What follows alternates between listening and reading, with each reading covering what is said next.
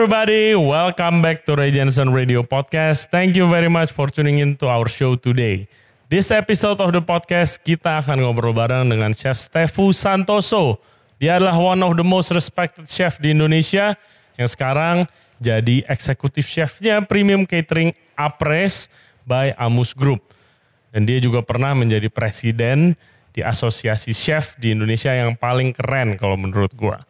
And this guy pengalaman dan sepak terjangnya tidak usah dipertanyakan lagi. Gue personally belajar banyak banget dari waktu ngobrol kita yang sebentar. Dan khususnya buat young chef yang lagi dengerin kita, dengerin sampai habis ya.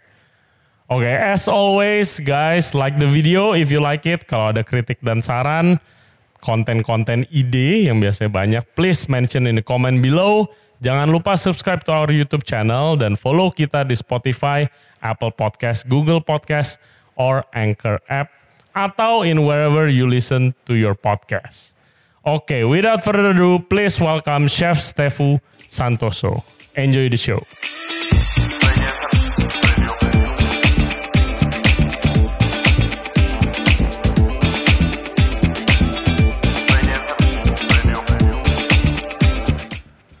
Good morning everyone. Kita udah sama Chef Stefu Santoso. Happy New Year Chef. Apa kabar? Happy New Year juga. kabar baik. Gimana? Sekarang lagi sibuk apa, Chef? Ya biasalah. Ya activity di kantor. Hmm. Misalkan uh, ya kita produk frozen food. Hmm. Terus kemudian juga dengan kondisi pandemi yang sekarang ini nggak jelas hmm. ya. Jadi ya semua under surviving mode. Ya, yeah, survival mode ya. Iya, yeah, mau nggak mau gitu. Jadi kita ya produk untuk frozen food, terus kemudian kita juga bikin family package apa pun yang kita bisa bikin. Hmm. Gitu ya. Jadi ya Ya to keep the business running lah cash flow-nya Iya, yeah, mau nggak mau gitu ya. Hmm. Karena kan agak lumayan juga berat sih hmm. sebenarnya ya untuk uh, kita bisa survive semua. Saya rasa nggak cuman kita tapi semua orang yang ada di F&B bisnis itu hmm. mengalami hal yang sama. Apalagi hmm. sekarang dengan aturan baru di mall. Yeah ya kan yeah, di mall cuma sampai jam, jam 7, 7 yeah. wah lebih suffering lagi gitu hmm. gitu kan tapi ya no choice lah ya yeah, have to do what we have to do yeah, yeah, yeah, yeah. to yeah. survive oke okay, yeah. uh, welcome to the show chef thank you very much udah pagi-pagi ke sini yeah. dan hujan-hujan pula so guys chef Stefu ini dia adalah eksekutif chef dari Apres Catering hmm. yang ada di Amus Group juga barengan restoran Amus yang udah sangat terkenal di Jakarta lumayan legendaris lah sekarang Uh, kita sih survive bertahan yeah. karena memang di dalamnya kita punya banyak uh, orang-orang yang memang punya passion gitu. Jadi hmm. memang tujuannya awal tuh supaya kita bisa menciptakan lapangan kerja juga, hmm. bukan cuma membuat restoran bagus tapi bisa bagaimana mengembangkan karyawan yang ada yeah. di dalam company. Dan Amus Group sendiri mungkin udah jadi apa ya standar kali ya kalau misalnya bisnis yang bertahan, restoran bagus, standarnya luar biasa tinggi gitu kan? Ya sebenarnya lebih kepada maintain sih ya. Hmm. Uh, maintain satu uh, yang pasti owner, hmm. ownernya hmm. juga harus punya passion di sana. Hmm. Terus kemudian juga yang kerja juga harus punya uh, passion. Hmm. Memang tidak uh, tertutup ya. Jadi banyak waktu, banyak properti baru buka. Hmm. Itu ya biasalah Okay. Talent scoutnya tuh udah. Iya.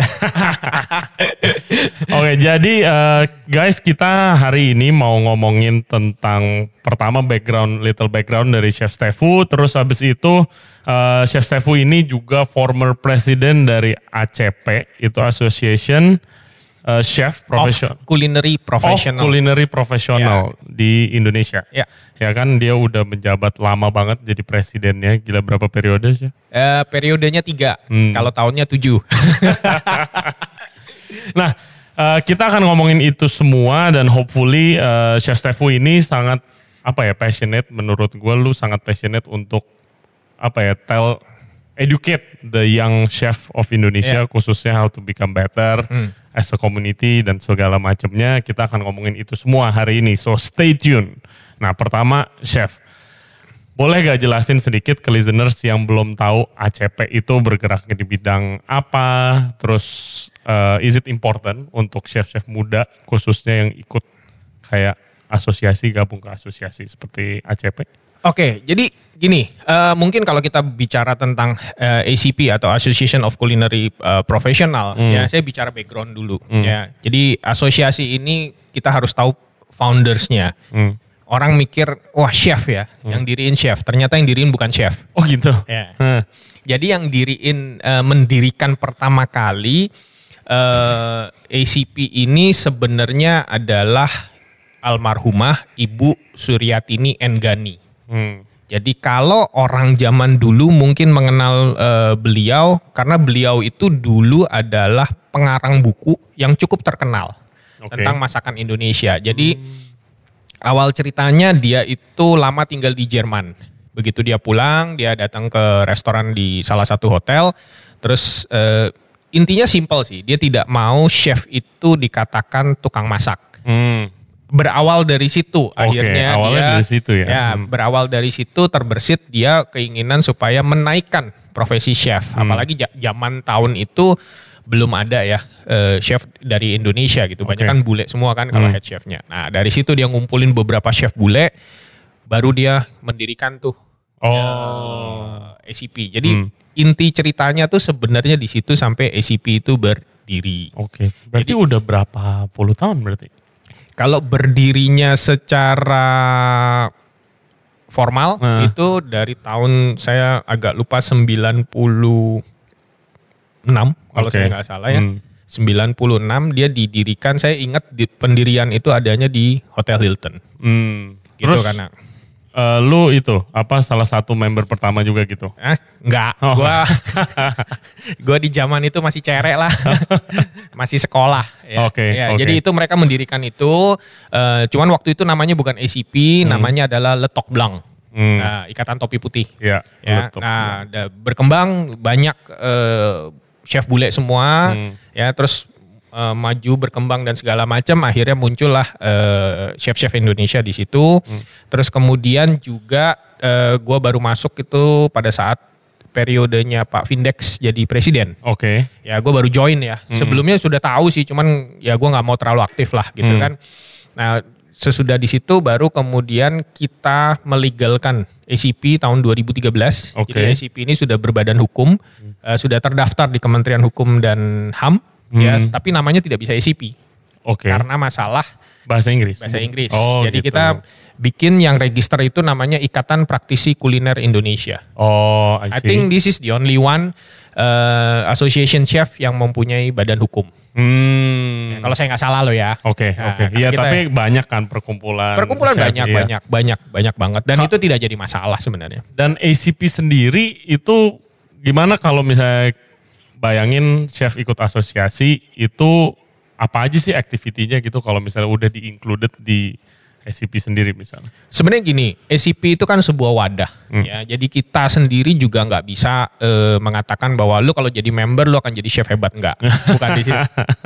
nggak ada garansi ya, nggak ada garansi. Tapi sebenarnya asosiasi ini dibuat e, tujuannya adalah untuk networking. Hmm. Kalau saya mengatakan sekian lama saya ada di ACP, saya melihatnya bahwa tujuannya adalah networking. Hmm. Jadi uh, which is very important guys, yeah, networking. Yeah, networking really important. Very important. Kenapa? Hmm. Karena kalau Anda sebagai anak muda masuk ke sana, Anda bisa ketemu dengan banyak orang. Yeah. Nah, salah satu kegiatan kita yang utama di sebelum pandemi itu adalah monthly gathering. Hmm. Cuman banyak orang salah sangka.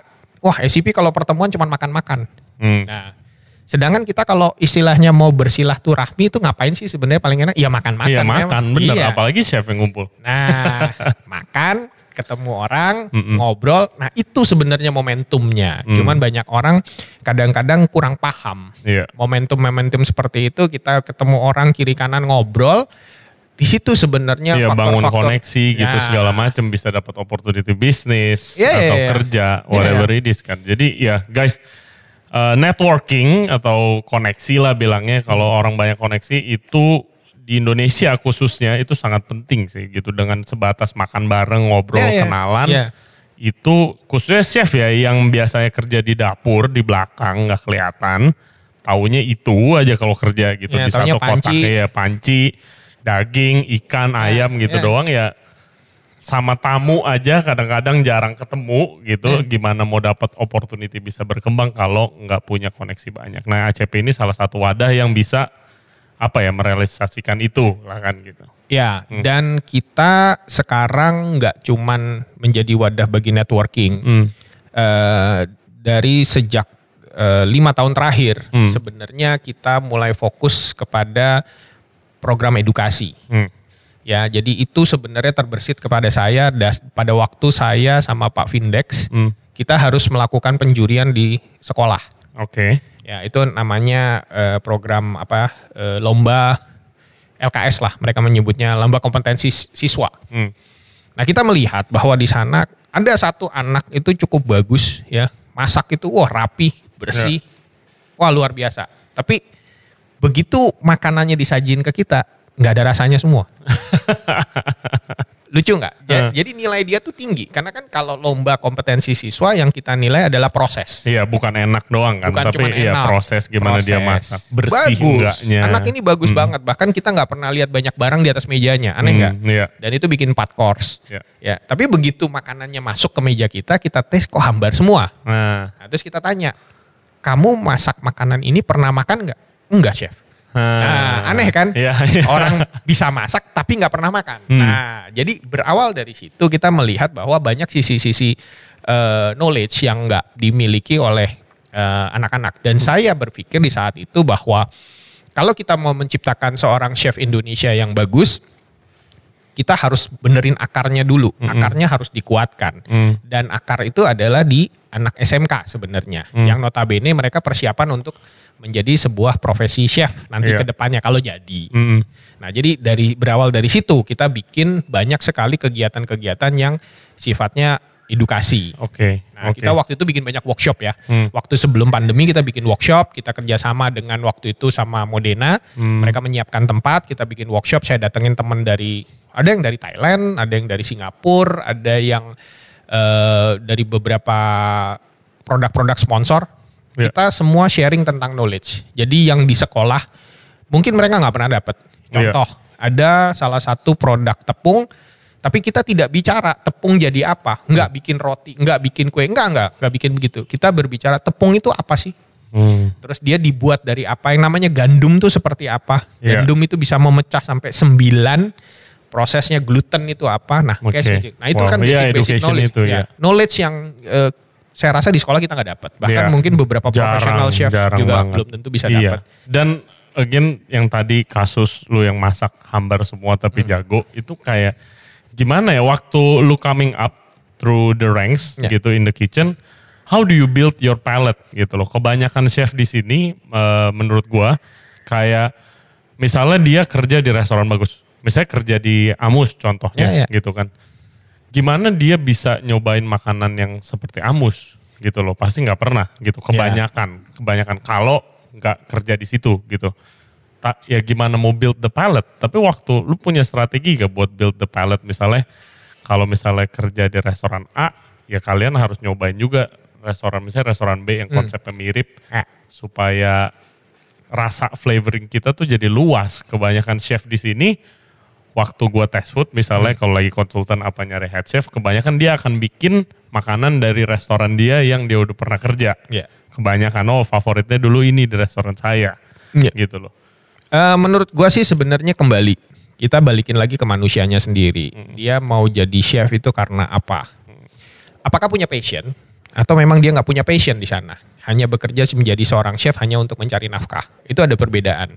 Ada orang yang Ya. menjadi chef karena memang punya passion. Biasanya orang-orang yang mau explore adalah orang yang memang dia punya passion sehingga dia tidak merasa cukup untuk hanya ada di satu tempat sehingga dia mau mengeksplor sehingga dia bisa mengenal banyak sekali eh, flavor, taste, style dan segala macam. Jadi sebenarnya kita harus kembalikan lagi Anda menjadi seorang chef karena memang punya passion atau Anda menjadi seorang chef hanya karena Anda butuh pekerjaan. Nah, itu yang sebenarnya harus diklarifikasi dulu sebelum kita memang benar-benar terjun ke eh, profesi ini gitu. Loh. Jadi kalau Anda punya passion pasti lu mau dong nyobain wah gue harus belajar ini, belajar itu, belajar ini, belajar. Belajar itu kan kalau di chef itu nggak pernah menurut gue pernah no, no limit, ya, iya. no limit gitu loh. Meskipun kita sudah eh, mungkin kita sudah puluhan tahun, tapi banyak aja yang kita Hmm. Iya. mungkin belum belum bisa dapet gitu kan.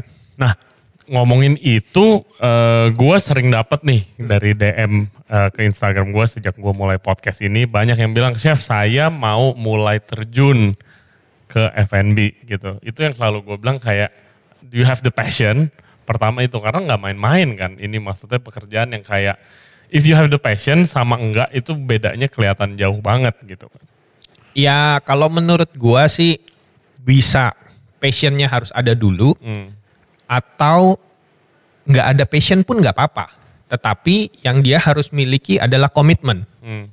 Karena punya passion, karena kadang-kadang ada orang masuk ke pekerjaan ini dia nggak tahu ini apa sih sebenarnya. Iya. Karena iya. dianggapnya wah keren. Hmm. Acara di TV wah bisa kayak begini, kayak Iya. begitu ya. Tetapi ada juga yang memang awalnya memang nggak punya passion, dia cemplung, kemudian dia mulai enjoy, Hmm. dia mulai menikmati dan akhirnya tumbuhlah Hmm. passion itu bersama dengan komitmen. Lu sendiri lu gimana? Ya contohnya gua itu. Oh iya. Jadi gua itu masuk ke kitchen sebenarnya eh, bukan karena gua suka. Hmm. Di waktu gua sekolah, terus terang aja kondisi orang tua gua ekonominya nggak bagus. Hmm. Nah sehingga gua harus memilih setelah lulus SMA mencari sekolah. Intinya cari sekolah yang gua bisa cepat selesai, gue bisa cepat cari duit. Oh oke. Nah, da- waktu itu gue masuk ke di Atma Jaya, Hmm. keren lah Atma Jaya gitu ya. Padahal sebenarnya itu cuma under sebuah yayasan, itu namanya P3A, Pusat Pengembangan Pariwisata Atma Jaya. Mm-mm. Gue disarankan kalau bisa lu ngambil hotel, kalau bisa lu masuk ke kitchen. Gue nggak punya pikiran kitchen kayak apa. Yang nyaranin siapa? Ada, eh, ada papa angkat gue sendiri. Oke. Ya, karena dia orang hotel, dia cukup lama dan pengalaman banget di hotel. Eh, dia mengatakan, lu coba deh hotel, cepet.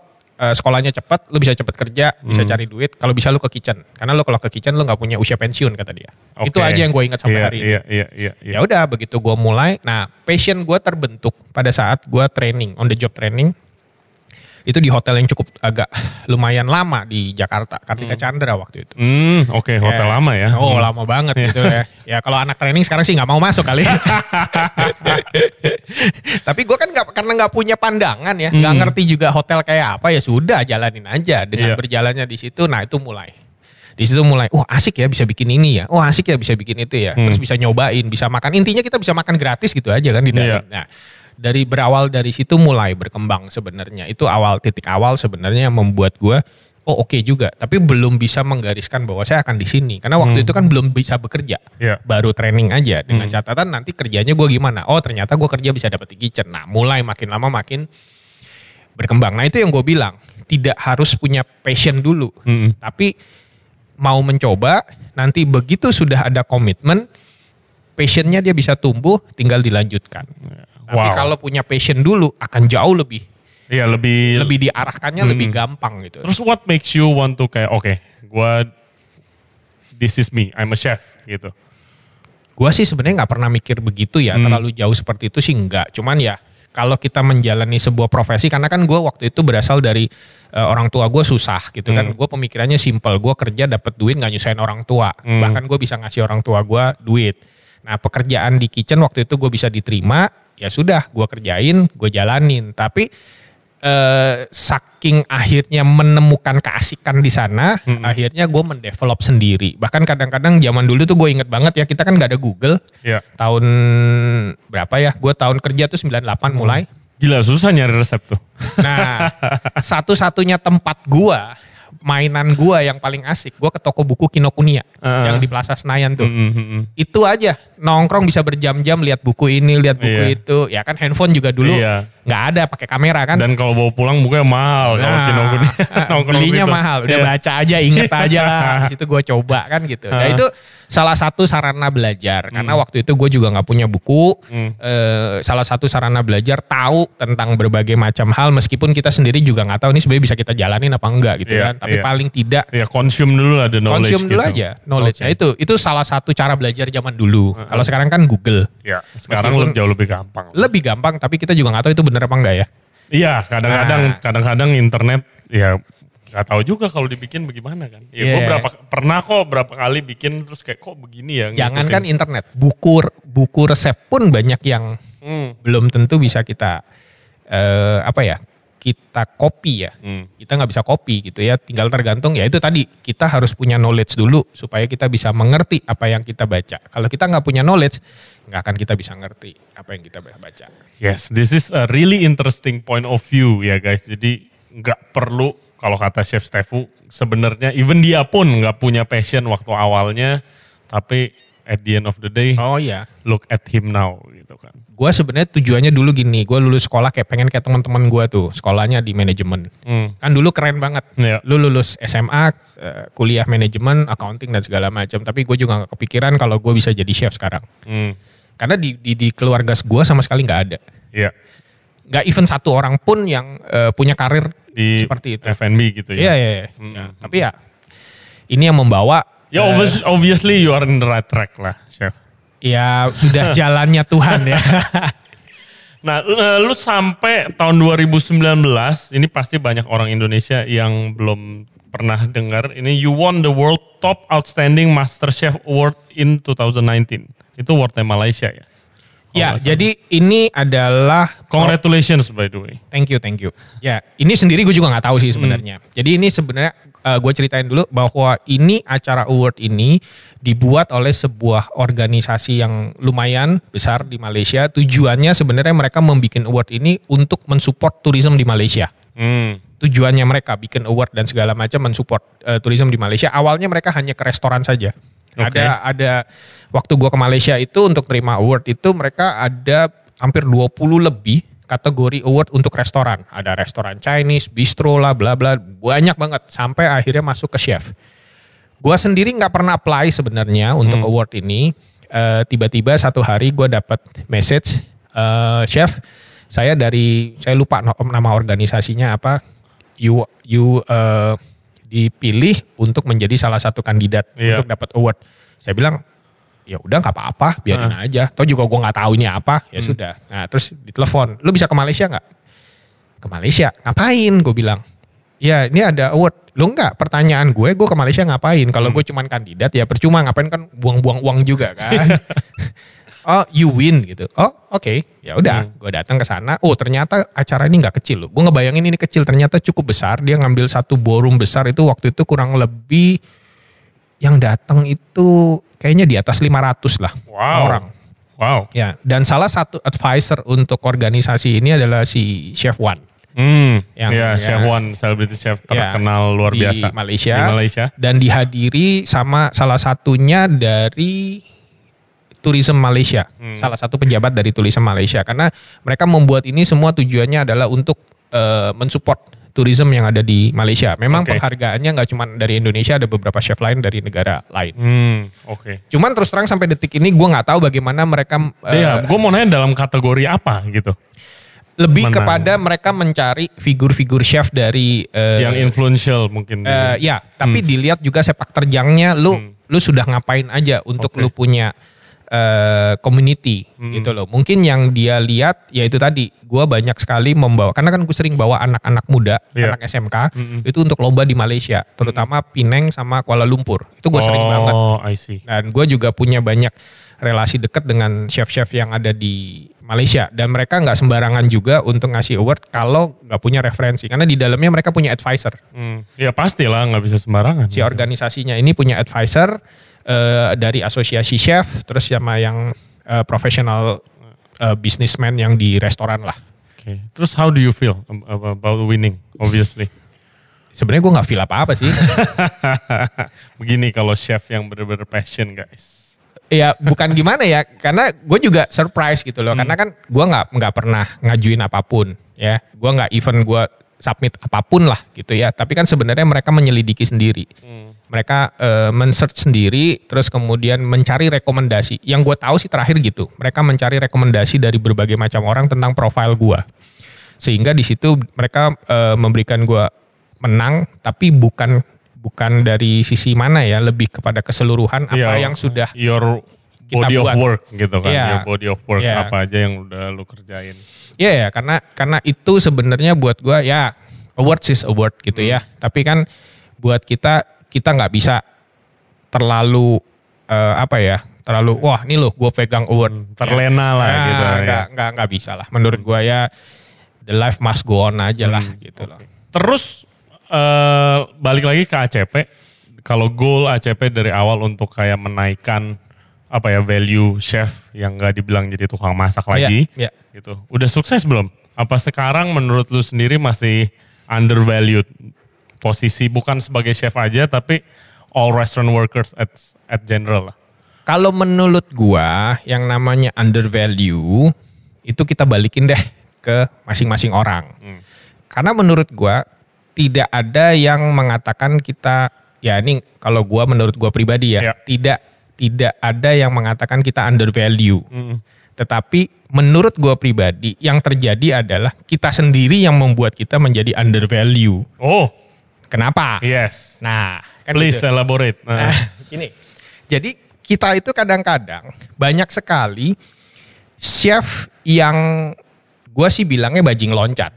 Jadi eh, dia terlalu sering berpindah tempat, satu tahun pindah satu tahun pindah dengan tujuan untuk eh, mencapai posisi yang lebih tinggi, lebih tinggi, lebih tinggi, lebih tinggi. Ya. Memang itu caranya. Hmm. Tetapi kalau tidak dibarengi dengan knowledge, itu tidak akan membuat dia tepat di posisi sebagaimana yang dia inginkan. iya. Jadi Dan banyak ba- skillnya. Ya, banyak orang yang menjadi istilahnya karbitan. Hmm. Dalam arti dia belum tepat untuk posisi itu dengan segala macam skill dan knowledge-nya, tapi karena dia lompat-lompat-lompat, dia mencapai posisi itu. Hmm. Sehingga akhirnya yang tercipta di opini publik terhadap si A Ya. adalah undervalue. Oke. Nah, tetapi kan kita juga bisa melihat banyak chef di Indonesia yang tidak juga undervalue. Oh enggak juga Ya, ya. jadi sebenarnya apakah menjadi undervalue atau tidak undervalue kembali kepada diri kita masing-masing. Hmm.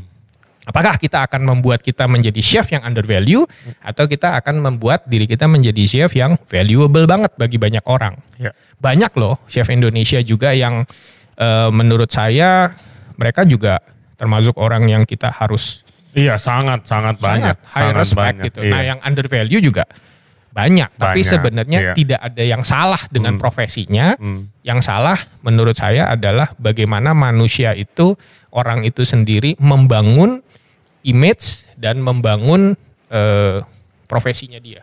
Mantap. Iya chef. Gua waktu ada opportunity buka restoran pertama gitu Iya. kan interview nyari head chef itu banyak banget kayak oke head chef kok nggak bisa food course gimana bisa dapat katanya udah pernah tiga tahun jadi head chef sebelumnya Nah. gitu loh nah yang, yang kayak begitu mungkin Ya, ya, ya itu kan. Jadi eh, otomatis yang menyatakan dia undervalue Hmm. kan yang lu yang interview dia kan. Iya, nah, iya, kenapa lu mengatakan dia undervalue? Karena Iya. skillnya tidak mumpuni sesuai dengan posisi yang mau dia ambil. Tapi Yes. kalau dia bisa, lu kan bilang, oh, gua respect sama lu. Hmm. Tapi kadang-kadang gua sendiri juga agak takut nih. Yang namanya interview tuh ada juga yang jago ngomong loh. iya iya Hebat banget Jago teorinya. ngebacot, iya. Ya, teorinya hebat banget. Hmm. Tetapi setelah dijalankan tidak sesuai dengan apa yang dia bisa bicarakan. Iya, komunikasikan Nah, Iya, itu jadi lah. kadang-kadang memang profesi yang kompleks kita ini, Hmm. chef ini profesi yang kompleks. Jadi kita tidak cuman harus bisa makanya harus seimbang antara skill sama knowledge. Hmm. Ya, jadi kita jangan pernah merasa bahwa kita sudah cukup. Kita terus harus belajar karena Hmm. dunia F&B terutama food atau cuisine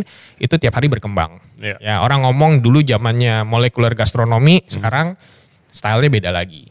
Ada gak chef skill yang waktu pada zaman lu masih di kitchen terus setiap hari dari bawah naik skill yang dulu itu nggak nggak usah lah chef nggak usah tahu ini gitu. Tapi sekarang khususnya penting gitu loh.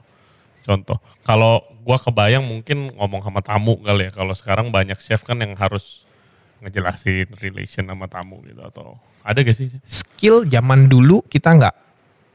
Maksudnya kayak bukan skill sih tapi kayak keahlian lah gitu yang zaman dulu mungkin chef nggak perlu ini gitu tapi zaman sekarang chef perlu Oh, tiga, gitu. itu ada science.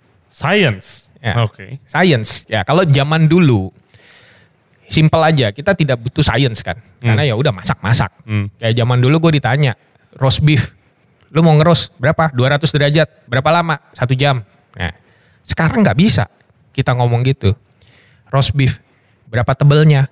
Hmm. berapa core temperaturnya, Iya. berapa suhunya. Oke. That's a science gitu Hmm. loh. Yang menurut kita membantu kita menjadi jauh lebih precise. Oke. Karena masak nggak lagi cuman dipegang-pegang gini, Iya. ada temperatur. Begini, begini nih, ya, ya, ya, gini, kita ya. pakai temperatur supaya kita bisa precise hasilnya. Nah itu kan sebuah science gitu Hmm. loh kan. Termometer itu kan sebuah science menurut gue yang dulu kita nggak pernah pernah pikir. Dulu nggak pernah mau kita pakai termometer kan. Iya. Pokoknya satu jam Feeling, selesai. feeling, Ya, semua feeling. Iya. Feeling. Tapi sekarang kita baru sadar, wah susah juga ya kalau daging tebel itu gimana. Karena Hmm. orang pasti nanya, berapa lama chef daging yang sekilo dia bisa medium rare. Hmm. Kalau sekarang gue jawab, saya nggak bisa ngomong bu. Kenapa? Iya. Ya, lu mah sampai oven, pakai grill, ya kan? Itu berapa tebel, Ah. berapa tinggi. Iya, iya. Yang penting suhu dalamnya. Nah itulah science. Oke tuh guys, dengerin ya apa yang gila. eh gua aja dari duduk sebentar sama lu ini belajar banyak banget loh. Emang educator sejati. Ya enggak juga lah. Gue cuma bisa ngomong doang. Yang bacotnya jago kayak tadi lu ya. bilang. Oke, eh, kita masuk di closing eh, closing questions nih. Ya. gue tutup dengan beberapa pertanyaan. Pertama kayak what can we do eh, better as a community of restaurant workers supaya lebih baik lagi ke depannya. Menurut gua kita berpikir positif lah. Kita selalu harus berpikir positif dan kita selalu tetap harus eh, bekerja keras. Karena sekarang ini yang kita lakukan adalah kita harus survive aja. Ya, kita berusaha untuk survive, untuk mencari berbagai macam opportunity yang bisa kita lakukan. Ya. Ya contoh kayak kita di catering, cateringnya itu drop ya. Sekarang kita tinggal 10%. Hmm. Nah, yang kita lakukan adalah kita mencari inovasi-inovasi baru, maksudnya produk apa lagi? Karena dulu kita adalah di Horeca, sekarang mungkin kita harus bergerak masuk ke retail. Iya. Jadi kita mencari uh, new opportunity yang kita bisa lakukan. Karena selam- selama kita masih berpikir, selama kita masih berpikir positif dan otaknya berputar untuk bisa bikin apa, bikin apa, bikin apa, saya rasa kita akan lupa dengan kondisi yang Iya. ya, yang yang sudah Menyibukkan cukup, diri lah ya, ya. sudah cukup berat. Tapi juga kita masih punya activity yang bisa menghasilkan sesuatu. Iya. Saya rasa sih itu yang kita perlu lakukan sekarang karena kalau kita cuma meratapi terus nantinya kita malah akan terbawa oleh kondisi yang seperti sekarang gitu. Iya, iya, oke, that's good. Jadi itu juga answer my uh, questions yang gue mau tanyain tuh kayak how you motivate yourself. Jadi itu keep doing busy, keep keeping busy gitu. Ya keeping busy kita mikir lagi kayak gue kan jualan frozen food nih ya. Hmm. Jadi sekarang yang gue lakukan adalah gue besok mau bikin apa lagi nih produk yang kira-kira harus bisa disukai oleh orang secara general. Hmm. Jadi bukan spesifik, tapi secara general orang suka. Terus kita harus bikin apa lagi supaya ada sesuatu yang baru. Setiap kali tuh ada sesuatu yang baru, meskipun mungkin bu- bukan makanannya ya, tapi Iya. tipikalnya lah, packagingnya atau Hmm. atau bagaimana cara kita menjualnya gitu kan di momen-momen tertentu itu kita juga harus berpikir. Jadi menu baru menu baru yang mungkin akan menjadi sesuatu yang baru. Karena kita tidak pernah tahu ya, namanya kayak food trend, apa Hmm. Iya. kita bisa prediksi? Ya orang Enggak. prediksi, tapi hasilnya kan masyarakat yang Iya, membuat yang itu menjadi menilai. sebuah Obviously yang menilai masyarakat pada umumnya lah. Ya, yang Gimana kita chef kalau mau pesan cateringnya Apres nih? Ke mana? Ya di IG-nya apres underscore catering bisa, Hmm. tinggal DM gitu kan. Kita juga lakukan private dining kayak lu juga bikin kan. Iya, iya, Ya, Cuma iya. itu kan lu personal kita by apres catering. Mm-mm, Jauh lebih premium lah daripada gua mah. Enggak juga lah. apres justru kita ada di bawah amus. Mhm. Nah itu yang yang memang yang harus kita lakukan untuk mendifferentiate eh, kliennya. Jadi Oke. kalau Amus memang adanya di levelnya di atas, Hmm. Apres ada di Oh, bawah. Karena memang kita membuat brand itu tujuannya untuk mendifferentiate klien. Mm, Oke. Kalau Amus tetap yang fine dining style, Apres lebih kepada corporate. Oke. Oke, last question chef. Buat please give tips buat uh, chef-chef muda atau chef-chef yang lagi bekerja sekarang yang lagi kurang semangat nih.